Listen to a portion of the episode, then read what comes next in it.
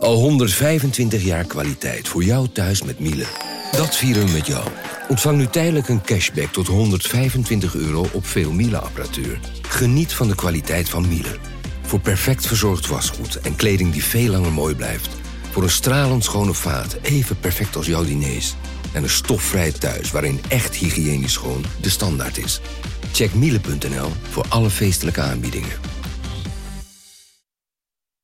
Ik ben al jaren ondernemer, maar waar moet ik eigenlijk allemaal aan denken nu ik voor het eerst personeel wil aannemen, voor het eerst ga importeren of voor het eerst een bedrijfslocatie zoek? Weet wat je wel of niet moet doen bij zaken die je voor het eerst oppakt.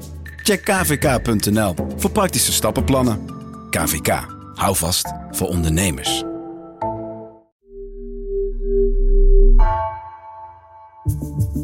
Vanaf de redactie van NRC het verhaal van vandaag. Mijn naam is Gabriella Ader.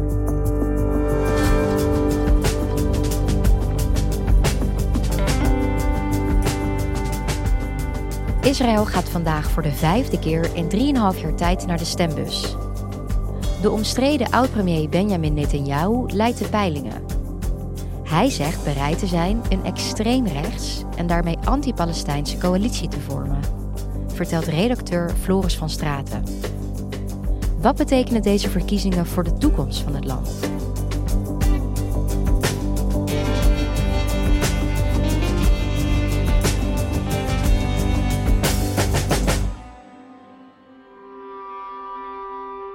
Floris, jij zit nu in je hotelkamer in Jeruzalem, waar je voor de krant bent om, verslag te doen uh, over de verkiezingen in Israël. Hoe is dat daar deze dagen? Wat, wat valt je op? Ja, je merkt niet zo heel veel eigenlijk van uh, verkiezingskoorts hier. Je ziet wel een uh, aantal bussen met posters erop van politieke leiders zoals Netanyahu en ook anderen voorbij rijden. En uh, hier en daar zijn er mensen met een megafoon die oproepen om op een bepaalde kandidaat te gaan stemmen. Of je ziet mensen met een spandoek of een vlag. Maar het zijn er niet heel veel. En je proeft ook wel bij veel mensen een zekere vermoeidheid, omdat het al de vijfde keer is in 3,5 jaar tijd dat ze uh, naar de stembus worden geroepen. En dat geeft ook een soort dubbel gevoel, want aan de ene kant hebben ze er wel een beetje genoeg van om steeds naar de stembus te moeten. Aan de andere kant uh, beseffen ze ook wel dat ze ja, misschien nu dan toch eens moeten proberen om die impasse die er eigenlijk de laatste jaren geweest is te doorbreken. Uh, en dat kan natuurlijk door uh, ja, flink in grote getalen te gaan stemmen. En als er dan één partij of een paar partijen komen bovendrijven die duidelijk winnen, dan kunnen die misschien eens een wat stabielere regering vormen. Als we nu even kijken naar Israël, wat de situatie daar nu is, dat is natuurlijk al jaren complex. De laatste tijd zijn er ook weer heel veel berichten over aanslagen, geweld tussen de Palestijnen en de Israëliërs. Zou je ons nog even kort kunnen meenemen naar wat zich daar nu afspeelt? Ja, nou, kijk, economisch gaat het in Israël helemaal niet slecht. Als je het vergelijkt ook met Europese landen, die hebben waarschijnlijk meer te lijden gehad onder de coronapandemie en dergelijke. En nu de enorme energieprijzen dan, uh, dan Israël. Maar politiek en qua veiligheid blijft het inderdaad wel uh, problematisch. Begin dit jaar zijn er een aantal terroristische aanslagen geweest van Palestijnen die uh, ja, geen andere weg meer zagen dan gewapende weerstand en dan via zo'n aanslag probeerde om Israël te treffen. Israël beleeft onrustige tijden. Het land kreeg in één week tijd te maken met drie aanslagen. Daarbij werden in totaal elf mensen gedood. Gisteren nog werden in een voorstad van Tel Aviv vijf Israëliërs doodgeschoten... door een 26-jarige Palestijn uit de westelijke Jordaanoever. En Israël heeft daar zelf weer keihard op gereageerd door het leger naar met name de, een aantal plaatsen op de westelijke Jordaanoever te sturen, die daar heel hard hebben huisgehouden ook. Waardoor er nu dit jaar alweer ruim 120 mensen ook zijn uh, gedood. En het zou best eens het bloedigste jaar kunnen worden in lange tijd hier in, uh, in Israël en de Palestijnse gebieden. Dus dat heeft ook zijn weerslag natuurlijk op de situatie hier. Want ik heb er nog niet, nog niet eens genoemd dat in de afgelopen anderhalf jaar ook weer twee keer er van die uitbarstingen zijn geweest van confrontaties met Hamas in de Gazastrook. Waardoor er allerlei raketten ook op Israël werden afgevuurd. En dat heeft natuurlijk ook tot veel onrust bij mensen geleid als ze weer in de schuilkelders moesten gaan zitten. Nou, vandaag worden dus voor de vijfde keer verkiezingen gehouden in 3,5 jaar tijd. Hoe is dat eigenlijk zover gekomen? Want dat is echt heel veel. Nou, dat heeft met een aantal dingen te maken. Zeker ook met uh, de figuur van Benjamin Netanyahu. Dat is de oud-premier die uh, ja, eigenlijk de afgelopen paar decennia de dominerende figuur was in de Israëlische politiek. En die ook ja, zich kan etaleren als een gevestigde staatsman. En dat slaat aan bij heel veel Israëliërs die uh, hem die veiligheid van Israël, en dat is echt het onderwerp dat ze het meest aan het hart gaat, wel toevertrouwen. Maar die is toch wel flink aangeslagen de laatste paar jaar door een aantal processen uh, op verdenking van corruptie tijdens zijn eerdere ambtstijd. Dus dat, dat heeft een enorme invloed gehad op die uh, Israëlische politiek van de laatste jaren. Want het heeft de coalitievorming ook aanzienlijk bemoeilijkt. Er zijn een aantal partijen die per se niet meer met Netanyahu in zee willen. En als er niet binnen zes weken een nieuwe coalitieregering gevormd is, dan uh, moeten er ook weer nieuwe verkiezingen worden gehouden. Dus er is maar een vrij korte periode daarvoor. En daardoor is het al een paar keer gebeurd dat ze niet op tijd die zes weken haalden om een nieuwe regering te vormen en weer nieuwe verkiezingen uitschreven. En hoe zag die laatste uh, regering er dan uit? Nou, dat was een coalitietje van acht partijen, allemaal niet heel groot, die eigenlijk als voornaamste cement hadden dat ze tot elke prijs wilden voorkomen dat Netanyahu weer opnieuw uh, premier zou worden. En daarom hebben ze de handen in elkaar geslagen. Maar daar zaten onder andere dus ook bijvoorbeeld Arabische Israëliërs bij, partijtjes van die, uh, die groep. Maar ook meer linkse en meer uh, rechtse. En nou ja, het was een allegaartje. Ja, het zou een beetje zijn alsof bij ons de oppositiepartijen als GroenLinks, Forum voor Democratie en de SGP ineens gaan samenwerken om Rutte weg te krijgen, toch? Ja, daar zou je het een beetje mee kunnen vergelijken, inderdaad. En ja, dat zijn toch allemaal groeperingen die verder natuurlijk heel weinig met elkaar gemeen hebben. Dus ja, dat, het was eigenlijk bij voorbaat wel min of meer tot mislukken gedoemd. En dat is dan ook gebleken. Ze hebben het dus uh, net iets meer dan een jaar volgehouden. Het was geloof ik een jaar en een paar dagen. En toen was het ook weer voorbij. Dus ja, dat is ook een punt van zorg voor veel Israëliërs dat ze nu steeds maar geen stabiele coalities uh, uh, krijgen. En ook ditmaal is dat weer allerminst gegarandeerd natuurlijk. Maar wat betekent dit dan nu voor de nieuwe verkiezingen? Wat, waar gaan de mensen dan nu op stemmen, denk je? Nou, uh, natuurlijk heeft Netanyahu nog steeds uh, veel aanhang. Want ondanks die processen blijven veel Israëliërs hem toch wel zien als de man die het land het beste door woelige tijden kan leiden. Die ook heel charismatisch overkomt, veel charismatischer dan de meeste andere politici in Israël. Dus die blijft een, een, belangrijke factor en zijn partij, Likud, zal ook wel weer de grootste worden. Maar hij heeft al aangekondigd dat hij het best in zee wil gaan met extreemrechtse partijen, die de laatste jaren flink zijn opgekomen. Die hebben echt aan de weg getimmerd. En dat zie je wel vaker natuurlijk in landen dat als de politieke situatie in een impasse is beland en het schiet niet meer erg op met, uh, met nieuwe projecten en dergelijke, dat dan extreem, extreme partijen uh, daar een voordeel mee doen. En dat is hier ook in Israël gebeurd. Daar zie je nu dat Joodse kracht en uh, de religieuze Zionistische partij, dat die misschien wel hun zeteltal gaan verdubbelen. Die hebben er nu zeven en het zouden er best eens veertien kunnen worden volgens de opiniepeiling. En dan zouden ze in één klap de derde partij van het land zijn. En wat, wat, wat kenmerkt die extreemrechtse partijen dan? Nou, die willen bijvoorbeeld de westelijke Jordaan voorbij Israël trekken, gewoon annexeren. En Palestijnen die daar dan tegen protesteren, die, nou ja, die, die mogen worden eh, weggevoerd wat hen betreft, die moeten maar uh, oppoepelen. En ze vinden dat dat eigenlijk gewoon Joods gebied is. Ze noemen het ook niet de westelijke Jordaanoever en al helemaal niet de bezette westelijke Jordaanoever. Zij noemen dat Judea en Samaria. En dat hoort bij uh, het, het, oude Joodse land. Dus dat moeten ze gewoon gaan innemen. En in het algemeen zijn ze keihard tegen Palestijnen. Dus ook bijvoorbeeld die leider van ze, Ben Gwir, dat is de leider van Joodse kracht. Die uh, heeft onlangs nog, toen hij in een wijk van Jeruzalem was, waar veel Palestijnen wonen, die ook in Oost-Jeruzalem ligt.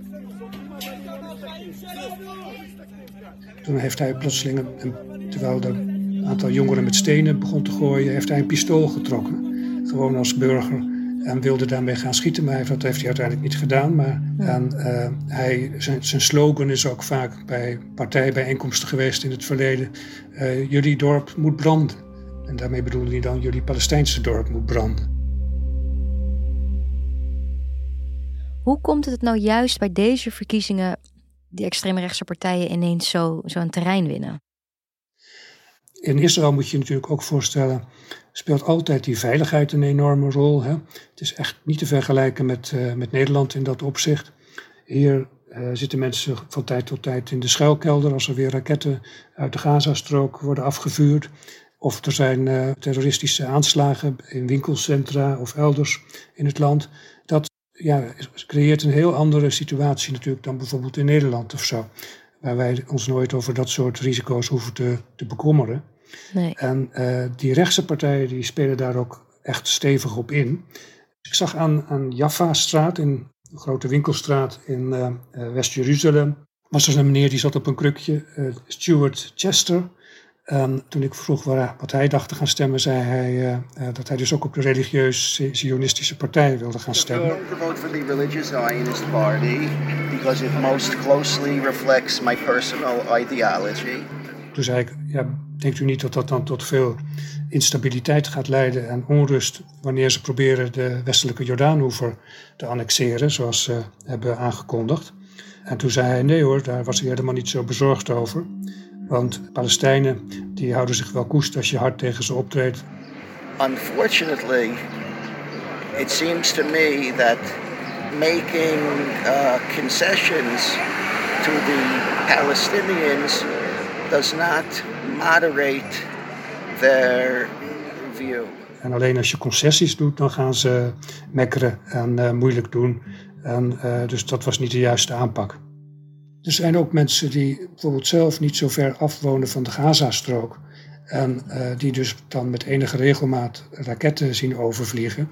En voor hen uh, speelt dat veiligheidsprobleem natuurlijk dan nog eens extra. En dat zijn gewoon gezinnen met kinderen en zo, die zich ook zorgen maken over de veiligheid van, uh, van hun, hun gezin. Uh, we live next to near to Gaza, mm -hmm. so uh, it's really important to us to vote right this time. Ja. Uh, to ensure the security of our, our children. Dat was de 35-jarige Lito, een vrouw met uh, twee kleine kinderen. En deze vrouw die ik sprak, die legde ook uit dat dat ook de reden was dat zij op, zeker op een rechtse partij ging stemmen. Welke precies, dat wist ze nog niet. Maar dat zijn de partijen die volgens haar de veiligheid het meest serieus nemen. En stel, deze coalitie komt er. Hoe snel denk jij dan dat deze extremistische plannen worden uitgevoerd? Nou, die zullen op allerlei manieren proberen om zo gauw mogelijk hun stempel te drukken op allerlei zaken. Natuurlijk, ten eerste, ze zullen proberen om die westelijke Jordaanoever te gaan annexeren. Dat hebben we al eerder besproken. Maar ze zullen ook uh, waarschijnlijk de Israëlische democratie weer uh, verder proberen aan te tasten. Althans, uh, dat is wat veel critici van de partijen vrezen. En Netanyahu heeft wat dat betreft ook al een flinke staat van dienst. Het is niet voor niks dat hij vaak in één adem wordt genoemd met de Hongaarse premier Orbán en met president Erdogan van Turkije en uh, nog een paar van die autoritaire leiders. Want de burgerlijke vrijheden in Israël zijn behoorlijk aangetast al de afgelopen jaren. En dat proces zal waarschijnlijk alleen maar versterkt worden als er zo'n extreem rechtse, uh, rechtse coalitie zou komen. Uh, onder leiding van Netanyahu. Ze hebben ook al gezegd dat ze de rechterlijke macht willen hervormen, zodat die minder te zeggen krijgt over wetgeving en ook nieuwe wetten willen aannemen om politieke corruptie te kunnen vervolgen. Die zijn nu nog strenger en zij willen die minder streng maken, zodat politici gewoon hun gang kunnen gaan. En hun standpunt in het algemeen is dat rechters zich koest moeten houden en eh, niets te zoeken hebben bij het uitleggen van wetten en dergelijke. En met die hervormingen zullen ze waarschijnlijk ook proberen om de ongelijkheid tussen Palestijnen en Israëliërs verder te vergroten. Je hebt al gezien dat Palestijnen de laatste jaren toch steeds meer worden weggedrukt, ook in wettelijk opzicht. En met zo'n regering zou dat naar alle waarschijnlijkheid alleen maar verder escaleren. We hebben nu al vaker over de Palestijnen gesproken. Ik denk alleen maar, hoe, hoe reageren zij hierop? Zij hebben een, een soort gelatenheid. Ze kunnen natuurlijk zo weinig nu uitrichten. Ze kunnen, dus maar een klein deel van de Palestijnen, dat zijn er trouwens nog wel 1,7 miljoen in totaal. Maar ja, dat is toch maar 20% van de bevolking die dus in Israël zelf, binnen de grenzen van het eigenlijke Israël wonen, die mogen stemmen. Maar de andere 5,5 miljoen Palestijnen in de Gazastrook en op de westelijke Jordaanhoever en in Oost-Jeruzalem, die mogen niet stemmen. Dus alleen al daarom moeten ze maar afwachten hoe dat gebeurt. Wat er gebeurt verder met de uitslag van de verkiezingen en welke regering er komt. En hoe hard die dan weer gaat optreden tegen Palestijn. Want waarom mogen zij niet stemmen? Uh, ja, omdat ze dus uh, voor een deel niet binnen de uh, Israëlische grenzen vallen. Maar het is wel zo dat ook die door Israël bezette gebieden, dat die grotendeels ook op, op het gebied van allerlei belangrijke punten worden bestuurd door, door Israël. En uh, de autonomie van de Palestijnen is heel gering. Er is wel een kleine regering in, in Ramallah, de Palestijnse autoriteit wordt die vaak genoemd, die dan over, ja, met, met wat geld en uh, wat, wat budgetjes hier en daar iets kan doen. Maar zelfs in die bezette gebieden is het gewoon Israël dat overal de lakens uitdeelt. Dus dat uh, ja, maakt dat die Palestijnen wel heel weinig armslag hebben. Ja, terwijl de gevolgen van wellicht rechtse coalitie ook heel veel consequenties voor hen zal hebben. Zeker, en nu al was het zo de afgelopen weken dat er dus weer flinke schietpartijen waren op de westelijke Jordaanhoever.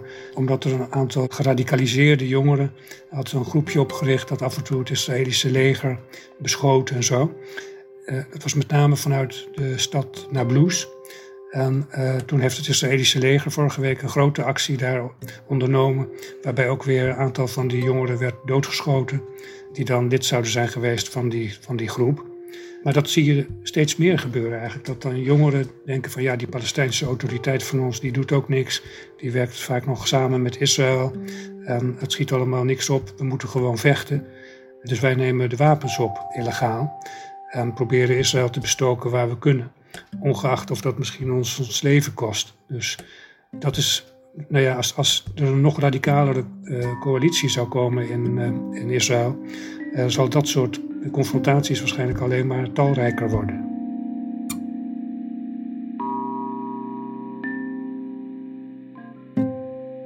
Dankjewel, Floris. Dank je. Je luisterde naar vandaag, een podcast van NRC. Eén verhaal, elke dag. Deze aflevering werd gemaakt door Mila Marie Bleeksma, Ruben Pest en Jeppe van Kesteren. Dit was vandaag, morgen weer.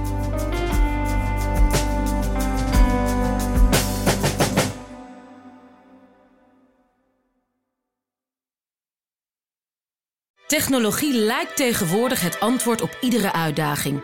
Bij PwC zien we dit anders. Als we de potentie van technologie willen benutten, kunnen we niet zonder een menselijk perspectief. Human-led, tech-powered noemen we dat. Ga naar pwc.nl.